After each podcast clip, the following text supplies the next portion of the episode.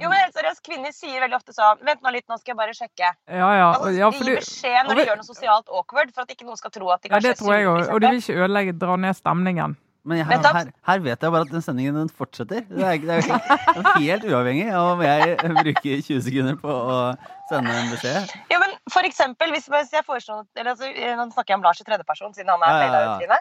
Ja. Men eh, hvis man foreslår det til Lars, for eksempel, vi skulle ikke gjort det sånn, da. Mm. Hvis, hvis eh, eh, replyen da er bare taushet Ja, det kan godt bety at han er veldig positiv. Absolutt. Det betyr bare Lars prosesserer det du har sagt. Ja, jeg er helt enig. og- Også- Også helt uten ansiktsuttrykk. Hei! Så tenker du Hørte han det jeg sa nå? Gikk inn, og så etter et kvarter så tar han opp igjen tråden, og så sier han som om vi er enige om at det er sånn vi skal gjøre det. Jeg er snart nødt til å dra, så vi må begynne. Ja. Jeg sorry. Jeg så på klokken. Ja. Jeg må dra seinest ti over. Ja, la, men for, en, for et rolig og fint opplegg, da.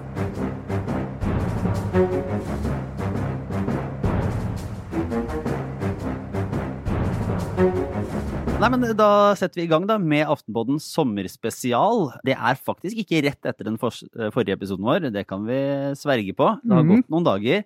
Eh, Trine Eilertsen, du er i studio. Hallo, En gang med ferie lagt eh, dunjakken igjen eh, hjemme. Jeg Nå sommerkledd og strandkledd og omslynget. Ja. Eh, Og du, Sara, sitter fortsatt i en bil nede på Vestfoldkysten og ser ut på Holmen. Ja, altså jeg er bokstavelig talt parkert jeg er her nede i Vestfold. Så det er et lite sånn min lille livlinje, eller hva det heter for noe, livline, inn til sivilisasjonen. Det er jo eh, denne podkasten. Ellers så befinner jeg meg altså her i naturen. Ja. For tredje eller fjerde uke på rad. Eh, Det eh, vi skal snakke om denne uken, vi kommer ikke til å være så tett opp til nyhetsbildet, så det er mer sånn eh, tidløst. Men vi skal, ja, vi skal, vi skal må debrife litt og hjelpe Sara med å, med å koble seg til virkeligheten. Og så gir vi en runde med tips og råd til ting man kan få med seg. Podkaster, bøker, andre ting som vi kommer til å bruke vår sommer på. Og så er vi tilbake 25. juli Ja. med en sending igjen, som er bursdagen din, Sara. Det er bursdagen min, så det føles veldig godt å feire den med å gå tilbake i studio og lage en podkast. Etter en bitte liten eh, ferieuke. Men det blir ikke mer enn hva var det vi regna ut, Lars og Trine? Det blir ca. én uke vi er borte, og så er vi tilbake igjen. Var det ikke Ja. sånn? Ja. Det er- Det er ikke noe å snakke om. Nei. Men det er fint da at eh, dere begge avbryter ferien, sånn som journalister gjør når det skjer viktige ting. Ja, og landet bare står og hungrer etter oppdatering. det må vite hva er det som skjer i sommer. Eh, I hvert fall Det vi kan si aller først, og vi kan annonsere med, er at i høst så skjer det noe dagen etter valget. Altså, altså valget som er 9. september, og den 10. september så skjer den store happeningen, for da har vi liveshow på Sentrum Scene. Eh, Alt du trenger å vite om valget, er under overskriften på det. Ja, det blir, eh, blir moro, det blir gjester, det blir analyse. eh, Det blir veldig bra. Nå er jeg litt usikker på akkurat når du hører denne podkasten, om billettene er ute i, hos Ticketmaster eller ikke, men du kan i hvert fall holde av datoen. Eh, Ettermiddag, kvelden, eh, ti, altså hva blir det? det hvilken dag, ukedag er det? Tirsdag Det er 10. omtrent, da. Tirsdag 10. september så er det livepodkast på Sentrum Scene. Det blir veldig bra. Men eh, du, Sara, som har, eh, som har eh, hva, hva skal jeg si, har du vegetert? Har du stressa? Hvordan, hvor er du i feriemodusen din nå, nede langs kysten? Nei, altså nå er jeg jo landet i den gode tredje, har jeg regna meg fram til nå. Tredje ferieuka. Og det er jo egentlig, hvis man har som veldig mange i Norge, ikke veldig mange, men de av oss som er så heldige at vi kan ta fire uker sammenhengende ferie, er jo gjennom ulike stadier. Særlig de av oss som også er på familieferie og på en hytte. Som jo jeg har følelsen av at det er ganske mange, selv om jeg skal passe meg vel for å late som at alle i hele Norge er på hytteferie. Men uansett, de av oss som er det, vi eh, går gjennom Jeg tror det er ganske universelt. altså Første ferieuke er veldig stressende. Da må man liksom finne rytmen i en eh, ny, eh, ny og helt annen fremmed verden.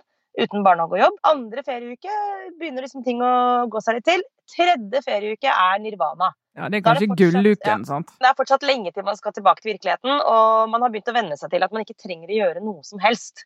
Så denne sendingen her har jeg forberedt meg gjennom at jeg har noen tips til ting å faktisk putte inn i hodet sitt av, eh, om ikke veldig høy kvalitet, så i hvert fall sånn eh, input som funker i sommersetting. Pluss også noen sånne eh, tips og triks til eh, hvordan ikke bare overleve, men faktisk til og med ha det litt fint på sommerferie. Så bra. Nå må vi si at vi har jo ikke gått gjennom disse tipsene som vi har, eh, som vi har, eh, vi har satt opp eh, hver for oss eh, fram til dette. Så det kan i teorien hende at vi har akkurat de samme anbefalingene. Ja. Eh, Det vil overraske meg litt Ja, hvis vi har det, men eh, Jeg tror på. heller egentlig ikke det. Men Sara, kan ikke du bare begynne da, med noe som eh, folk bør ha med seg i eh, sommeren, eller kan, kan gjøre lange dager kortere eller mer interessante? Jo, Jeg skal bare si først at eh, Lars, jeg tror her vi allerede kan slå fast, før du har sagt noe, at eh, vi må legge lista lavt eh, på familieferie. Jeg innbiller meg at du har et litt høyere ambisjonsnivå på hva du Hva du skal få med deg i sommer, ja. ja. Så jeg har allerede vært inne på det i noen tidligere sendinger, for jeg har jo vært i dette ferieland eh, en liten stund. Men, men eh, når det kommer til eh, lesing fordi For meg er det sånn at sommeren handler om å lese bok. Vi har jo ikke Eller det vil si, skal jeg til å si, vi har ikke TV på hytta. Det er ljug. Vi har TV på hytta. Barna ser på TV på hytta. Men, men vi voksne ser ikke på TV faktisk på hytta. Det er kanskje litt sånn kultursnobb-greie, men det er rett og slett fordi akkurat sommerferien er liksom bok, boktid. Jeg vet ikke hvordan dere, bare får ta det først. Trine, du er jo også hyttedame. TV, Ja, ja, ja. nei? Nei, det er nei. Absolutt nei. Der er hjernevasket fra ung alder. Men vi har, eh, vi har jo eh, 4G. Så ungene de kikker på iPad om morgenen. Det gjør de. Men eh, ikke de voksne. Aldri. Nei, fordi da, og I gamle dager så hadde jeg jo ambisjoner om, og jeg ser fortsatt i min Facebook-feed mennesker som er sånn Jeg har tatt med meg eh, Hamsuns samlede på hytta, for endelig skal jeg ta inn over meg klassikerne. Det, der er ikke jeg. Så eh, mitt beste tips, hvis man har lyst til å faktisk få gleden av å lese en bok, men eh, egentlig er litt sliten i hodet og ikke har så mye tid, det er å, å legge lista lavt på kvalitet. Eh, og heller jakte på bøker med liksom, drivende og spennende innhold. Og da har jeg allerede sagt tidligere at eh, mitt triks er å bruke den eh, OP5-bloggen til Asbjørn Slettemark og Aslak Nore, for der er det masse tips til gode thrillere. Eh, men for å gå litt videre fra det, så kan jeg jo røpe da at det jeg leser akkurat nå, det er det som for meg er det beste av to verdener. Det er nemlig en lettlest politisk thriller basert på virkeligheten. Oi, ja. Er det, er det den der nøkkelromanen til uh, Åslaug Haga? Nei, jeg tror ikke den er like spennende. Det er, du tenker på historien om et stabbur? Eh, Ja, nei, ja, er det, det er ikke det Nei da, nei, jeg vet ikke det. Hva var det? Nei, du- Mm. Eh, Unnskyld, nå avbryter jeg meg selv og deg. Men eh, nei, du, det er rett og slett en bok som heter og Unnskyld at jeg sier det, for det høres veldig Eller det er nesten fælt å si det høyt, men den heter 'To Kill a President'. Ja. Og har dere hørt om den? Nei. Den er, eh, det, er en, det er en serie med, med bøker eh, om en, eh, om en sånn eh, type Hva skal vi kalle den for noe? En, hun er en sånn troubleshooter på eh, Det hvite hus. Altså en som jobber for presidenten for å hjelpe liksom, ja, Egentlig en slags sånn avansert spinndoktor. Eh, og i denne boken jeg har lest nå, så er det selvfølgelig da Scenen er jo Det hvite hus under Donald Trump.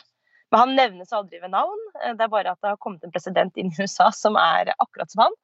Eh, og alle karakterene i boka er basert på eh, de eh, menneskene som, eh, som befant seg i White House første året. Så vi har liksom hele dere kan tenke dere, unnskyld jeg sier det, hele skrekkabinettet av eh, alt-right, eh, litt sånn eh, Hva skal vi kalle det for noe, da? Alternative mennesker i Det hvite hus.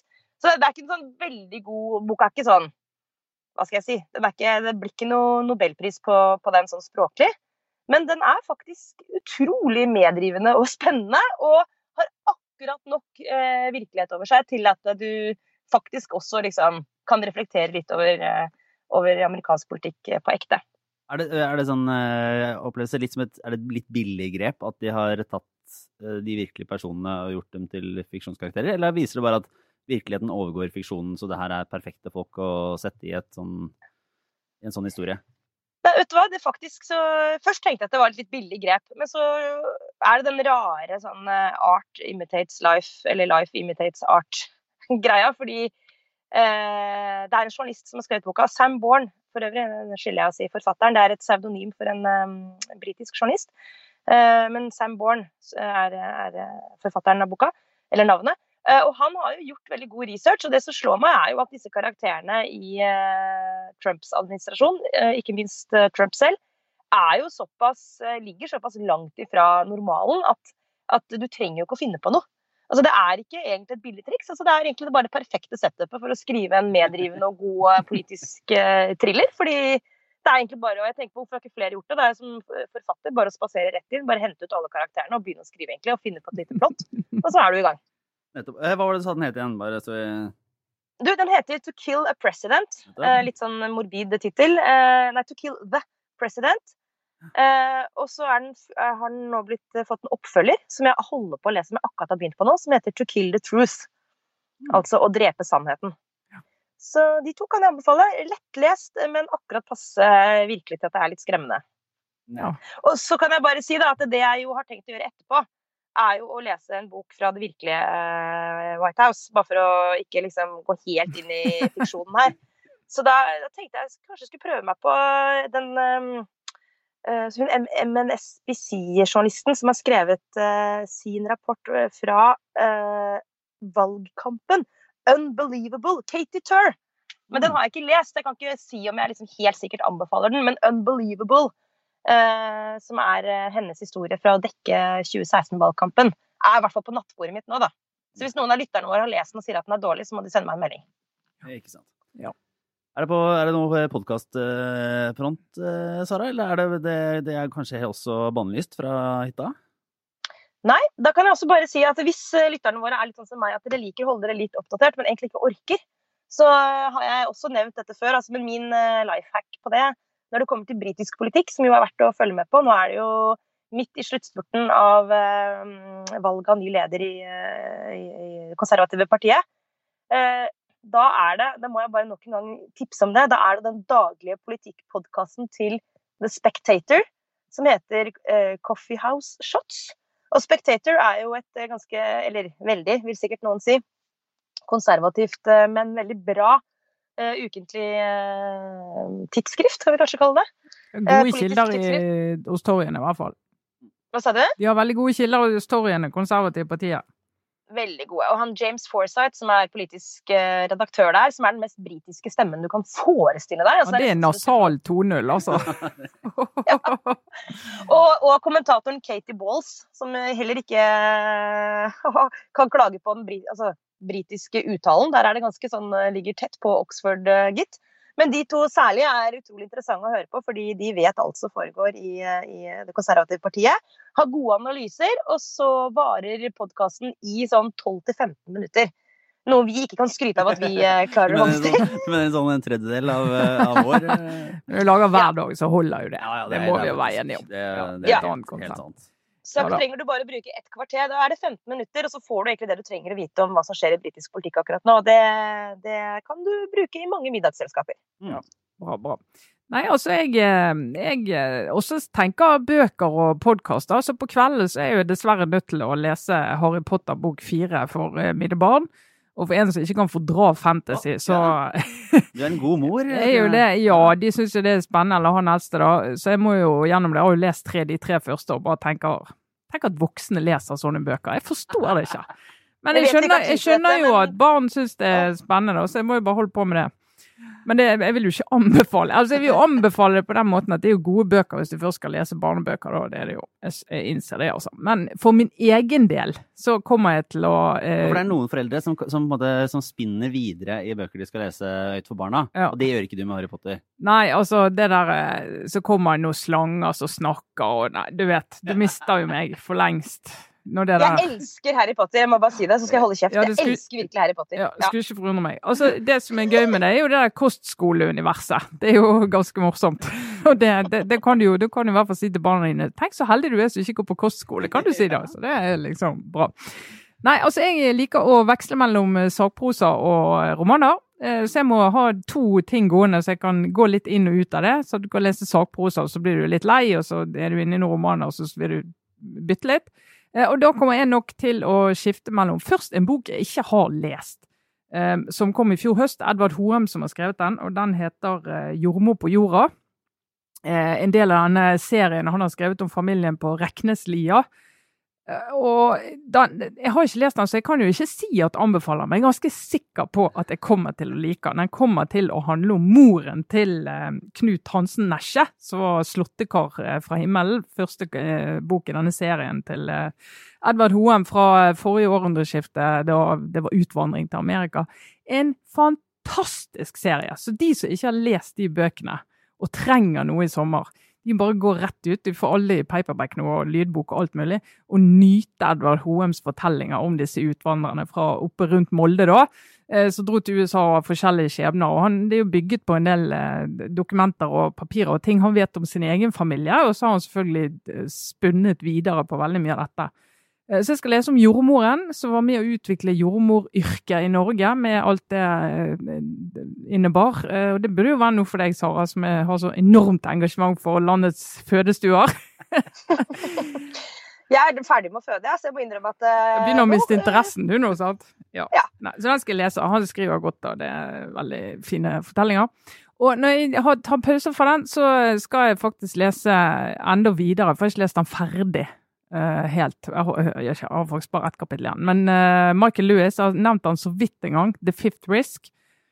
Uh, journalist som har skrevet en bok som heter The Fifth Risk. han Det høres kjedelig ut, men tro meg, det er ikke det. det handler om tre av departementene i USA. Energidepartementet, Handelsdepartementet og Landbruksdepartementet. Og han lager på en måte noen portretter av de og noen sånne helt sentrale byråkrater i de departementene. Forteller deres historie og forteller departementets historie gjennom de. Og poenget hans når han sier The Fifth Risk, knaggen er at du har fått inn en administrasjon gjennom Donald Trumps uh, gjeng, som kommer inn og egentlig ikke er så interessert i all den kunnskapen som finnes i disse departementene, som har enorme mengder data om amerikanere, om handel, om helse, om uh, vær. Altså værdataene samles inn i en enhet under Handelsdepartementet. Og beskriver egentlig dette, denne kollisjonen mellom den gamle, veldig sånn eh, byråkratisk sterke, ærefulle kulturen og dette nye Trumps eh, menn. De setter jo inn eh, politiske utnevnelser på veldig mange nivåer i departementene på en helt annen måte enn vi er vant til. Eh, men når han forteller disse historiene, du lærer altså så mye om så mye rart, og det er så godt skrevet, så jeg ville bare absolutt anbefale. Pluss at det er jo en hyllest til den gode byråkraten. og Det kan vi jo ikke få nok av. det er så fantastisk. Sara kunne sett ut som var, var, var, jo entusiastisk overfor HM òg, selvfølgelig, men, men eh, her det, det, vokste litt i, i Studio Akersgata her underveis. Ja, den, eh, det, du kan kose deg med den. Jeg har hørt den på lydbok, faktisk, og det kan du absolutt gjøre når du er ute og går. Nei, men Så fint. Uh, skal jeg anbefale en podkast, da, tro? Ja, jeg har en, jeg. Og hvis du, du ja, jeg har en, men du kan, vi kan Ja, nei, altså, jeg vil jo anbefale The Oath. Vi er litt innenfor samme, samme univers. Det er Chuck Rosenberg. Eh, som har uh, jobbet for MSNBC og tidligere har vært en av disse her eh, mange juristene i USA som jobber innenfor statsforvaltningen og har jobbet med antidrugs og ditt og datt. Men nå er han sånn uh, juskommentator på MSNBC. Og så har han en podkast som heter The Oath, altså Eden. Og da intervjuer han uh, høyerestående byråkrater innenfor juss og rettsvesen. Jim Comey og, flere andre. Uh, og de forteller sin historie, og forteller om en del saker de har jobbet med i USA. Altså det, det er litt sånn pussig stil, for de er veldig sånn servile overfor hverandre, og de beundrer hverandre fra støvlene til hårrøttene. og det er veldig mye sånn, du er så amerikansk. og liksom, ja, Så det må du bare se forbi. Men så må du høre når de snakker om sakene. De er så enormt flinke til å fortelle om sakene. Eh, og han ene som har vært sånn eh, district attorney og alle disse begrepene som vi kjenner fra seriene, som forteller om når de jobbet med eh, altså etterforskning før 9-11, altså før tvillingtårnet falt, og de begynte å nøste opp Osama bin Laden og det nettverket der. Og de hendelsene tidlig på 90-tallet. De prøvde jo å sprenge tvillingtårnet sånn noen år før. Og egentlig et miljø innenfor disse CIA og FBI som fant ut at ok, vi har noen islamistiske terrorister i USA. Uh, de ble ikke helt lyttet til, men de jobbet med disse sakene, og det er veldig fascinerende å høre på. Så den også vil jeg anbefale. Flere episoder The Oath, altså. Mine anbefalinger for sommeren har et litt sånn uh, dysfunksjonell familietema. Ingen, uh, ikke noe grunnlag utover det. Eh, men der har jeg nå de siste dagene eh, blitt spist opp av en eh, podkast som er veldig fascinerende. Som kanskje ikke er skal si, Den er ikke fortellermåten, er ikke sånn helt revolusjonerende. Men saken er så vanvittig spektakulær. Og, og hvordan det går, kommer fram allerede i starten. Den heter Broken Hearts. Men altså ikke heart som i hjerte, men H-A-R-T-S. Var det de som kjørte utfor stupet? Det var de som kjørte utfor stupet. Og det er altså det, var, det er historien om et eh, lesbisk par i 30-åra som adopterer seks afroamerikanske barn. eh, og presenterer på en måte en eh, bilde på det moderne Amerika og hvor bra alt er. Og har en sånn ordentlig vellykka front på sosiale medier og engasjerer seg masse og, og framstår som helt sånn perfekte. Helt til eh, de rett og slett da kjører utfor et stup og ned i Stillehavet og tar livet av alle sammen. Ja. Og så herregud. Ja. uh, går, uh, går disse journalistene, da, det er en, et samarbeid mellom denne How Stuff Works, som i seg selv er en ganske god podkast, og merkelig nok, jeg skjønner ikke helt det, Glamour Magazine. Jeg Jeg vet ikke hva de driver med det, men den er veldig godt fortalt, og går gjennom både de rent sånn personlige eh, ja, tingene, men også litt sånn systemnivå, hvordan, hvordan en del ting har virka. Det som er litt interessant, er jo å se det fordi at det er et eh, perspektiv som, eh, som kanskje er Altså, det er historien om den måte, moderne, liberale familien som også ender opp med uh, ordentlige problemer og at det går til helvete. Det er interessant, Lars, fordi det er jo ofte sånn at uh, det der, og, og den liberale familien er liksom ofte i sånn populærkultur løsningen på alt sammen. Fordi alle problemene starter med en autoritær far og en deprimert mor og uh, familier som ikke snakker sammen. Så det er nesten litt fælt da, at det ikke heller funker i en familie hvor, liksom, hvor alt er omvendt og alt er liksom riktig. Ja, Men, eller, eh, kanskje- det er ja. i hvert fall altså, bildet på altså, der, der man tror at eh, ting er eh, helt i orden, kan det også være store problemer. Og Det er jo ikke noe overraskelse i seg selv, men, men det er i hvert fall en fascinerende historie å, å følge. Og som, en sånn, som to bokanbefalinger som kan, kan være med den her, som egentlig tar det fra litt andre sida, da. Eh, Det er en jeg så vidt har vært innom før, en eh, bok av Tara Westover. Det var jo en sånn eh, kjempesuksess i 2018, den boka, da, så det er jo ingen av de her som er helt breaking, men den som heter Educated. Og hun da forteller om oppveksten i en sekt i Idaho, og er på en måte på den helt sånn off the grid-familien, som er den litt mer fortalte historien om en sånn ikke nødvendigvis høyresiden av amerikansk politikk, men en sånn helt liberalistisk frihet fra samfunnet, gjøre ting på vår egen måte. Eh, gjeng som bor oppe i skogen og driver på, og der er det helt eh, galskap. Og det er jo da en selvbiografisk historie. Eh, der hun som nå bare er i midten av 30-åra, har fortalt om måte, sin vei ut av dette da, gjennom utdanning. Som jo er en, igjen et sånn lite companion piece til den boka som jeg tror jeg anbefalte for et par år siden i 2016, den som heter Hillbilly Elegy av han JD Vance, som jo var en, en ung republikansk mann fra det, eh, Kentucky, som endte om å fortelle historien om hvordan han kom fra den såkalte måtte, white trash-delen av USA, og ga et perspektiv på hvordan måtte, den klassiske, typiske, stereotype Trump-velgeren endte opp som republikaner, eller der de er, da. Utrolig eh, interessant egentlig at du orker å ta innover deg liksom, dysfunksjonelle familier eh, på eh, sommerferietur, eh, Lars. Men det, det er kanskje rett og slett fordi at det er en litt annen livssituasjon hvor det er mulig å ta innover seg. Vi andre lever jo mer i en sånn tvungen, harmonisk Litt sånn Her, nå skal vi ha det hyggelig sammen. Og da er tanken på dysfunksjonelle familier det er liksom det siste man virkelig vil ta innover seg. Da foretrekker jeg faktisk å velte meg i dysfunksjonell politikk, som jo mulig en psykolog ville kunne si at var et slags hva skal jeg si for noe, en parallell til det. Men, eh, men uansett, så eh, gode tips. Jeg skal lese det når barna er konfirmert, Lars. Jeg kan jo også egentlig anbefale en, en nyhetssak som eh, den kommer sikkert til å utvikle seg i løpet av de ukene som er gjennom sommeren, men som jeg tenker hvis du skal følge noen ting fra det aktuelle, så ville jeg fulgt den eh, historien om han Jeffrey Epstein. Som er altså en sånn eh, supermegler eh, fra, fra New York som har vært i kontakt med alt det som måtte være av eh, notabiliteter og storheter i amerikansk politikk og samfunn, som nå tas for å ha drevet en form for eh, barneprostitusjon, eller altså eh, drevet eh, utnyttelse av svært eh, unge kvinner, da.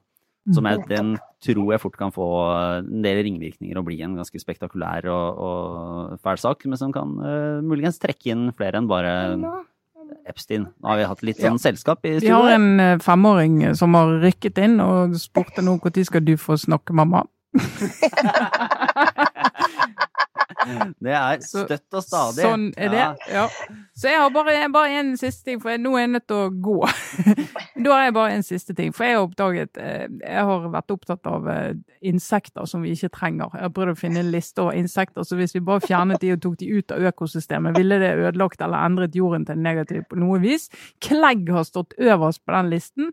Men, og dette er jo en trøst for alle som ikke bor på Østlandet, jeg har funnet ut at det finnes noe verre enn klegg og flått. Det er hjortelusflue. Du må, bare, du må bare google hjortelusflue, og så tenker du 'flott er din venn', tenker du. Hjortelusflue er Satans verk, og den eh, kan du bli angrepet av på høsten. Og da kommer de, og så flyr de ned. De, sånn, de henger seg åpenbart opp på hjort og håper å si reinsdyr, det gjør de jo da ikke, men eh, rådyr og sånn. Og så kommer de i flokker, og så går de rett på nakken din, og så borer de og borer de og borer de, og så stikker de, og så eh, hopper de og fester seg på kroppen din. Og så er de bare grusomme. De grusomme. Hvor i Norge, hvor i Norge er dette? Nei, nedi der som du er, Sara. Sånn, Sør- Sørøst-Norge sto det, og da tenkte jeg og jeg er så glad jeg skal til Nord-Norge og Vestland på ferie. tenkte jeg, For den hjortelusfluen den har jeg ikke lyst til å møte. resten av Norge bryr seg, bekymrer seg for sånn biedød og insektflukt. Og her er det bare Nei, dette Men har du, du har jo forska litt på det, Trine. Er det ikke Ja, sånn at ja. vi trenger dem? Nei, altså jeg har prøvd, jeg har spurt folk rundt meg som kan sånne ting, og, de, og jeg har prøvd si til meg, hvis vi utryddet all klegg, om det ville på noen måte, om ikke det finnes andre som kunne rykket inn og gjort oppgavene Ja. til klegg, og så være mat for fugler og litt sånn. Jeg har ikke fått noe sannsynlig svar på at de har en rolle. Jeg har ikke det. Klegg må dø. Må ut. Ja, nei, men, Sammen med mink, sammen. Sammen med mink, gjerne sammen med mink. Nå må jeg rykke. ja, rykke ut God på, sommer, da. Ja, rykke ut på ferie, Trine. Eh, det skal du også få lov til, Sara. Hva- Var det noe Ja. vi har gått glipp av nå? Eh, hva jeg har gått glipp av? Ja, nei, altså var noe vi ikke har vært innom? Nei, du, eneste jeg skulle si, vi lovte jo, jeg lovte bare en liten sånn life hack eh, på slutten her. Eh, til eh, hvordan få en god sommerferie sammen. Eh, Er det, er det ta med barna på jobb når du egentlig har ferie? Ta med barna på jobb når du egentlig har ferie. Uh, selvfølgelig, ideelt sett, ut, utrydde småkryp hadde hjulpet veldig. Mm. Uh, men uh, mitt beste tips er gjør skjermen til din venn.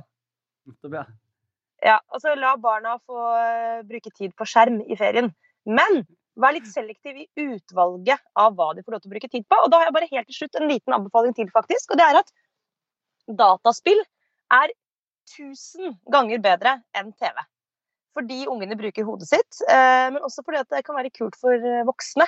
Og eh, det å sitte og spille sammen med barna er akkurat like hyggelig som å sitte og spille brettspill sammen med barna. Man må bare komme seg over den mentale sperra noen av oss har, som er at skjerm liksom er annenrangs. At det skal være sånn taktilt. Det skal være en pappplate med terninger på. Men nei, altså det Helst bare sammen flaks som avgjør. Hæ? Ja, helst bare flaks som avgjør. Sånn ludo eller sånne eh, tvungen yatzy og sånn, som er bare du kaster en terning, skriver ned hva du får, og så ser du til slutt hvem som hadde mest flaks. Ja, eller Satans eget verk når det kommer til spill. Spillenes ekvivalent til er hjortehelvetesflua, Ja. det er jo stigespill.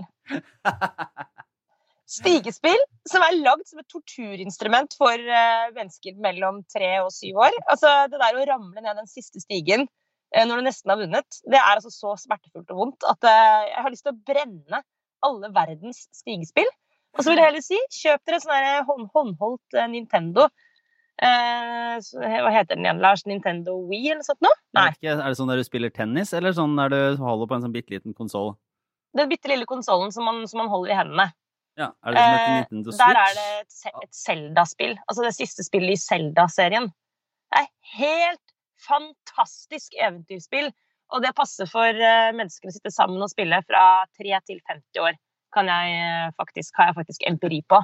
Så brenn stigespillet og invester i en sånn håndholdt Nintendo. Kjøp Zelda og kos dere hele familien sammen oppi sofaen. Kjempekoselig. Og barna øh, faktisk maser ikke når de får sitte der. De må få spille, da, men du er med som voksen. Så det er mitt eh, siste lille tips. Nei, men Så bra. Eh, Det jeg tenker vi skal gjøre, er at jeg, da, som er på jobb og ikke har avbrutt ferien min, eh, kan eh, ta ansvar for å få skrevet ned disse anbefalingene i en liten eh, eh, sak, mer eller mindre, ha, som kommer direkte fra Aftenposten og Aftenpodden eh, til de som måtte være interessert. Den er nok antageligvis lettest å finne på Facebook-siden vår. Eh, Så skal jeg også se om vi kan få lagt den inn i eh, infobiten til denne, denne utgaven av Aftenpodden. Denne sommerspesialen, som jo har tatt for seg litt eh, mindre politikk og litt mer bare mm, råd og slarv enn det som ville være vanlig. Vi er tilbake 25. juli, var det ikke det vi sa? Jo. Den datoen husker jeg, for da ble jeg 40 år gammel. Ja. Hipp hurra, det gleder vi oss til. Og så eh, sier vi igjen Sentrum Scene 10. Eh, blir kjempemoro. Da er det liveshow på, på oss og noen gjester. Dagen etter kommune- og fylkestingsvalget 2019. Så det gleder vi oss til. Ja, men, Det blir eh, spennende. Ja. Eh, Fortsatt god ferie. Så takk for oss. Det var Aftenpodden. Trine Eilertsen som hoppet ut. Sara Sørheim og jeg, Lars Domnes. Ha det bra.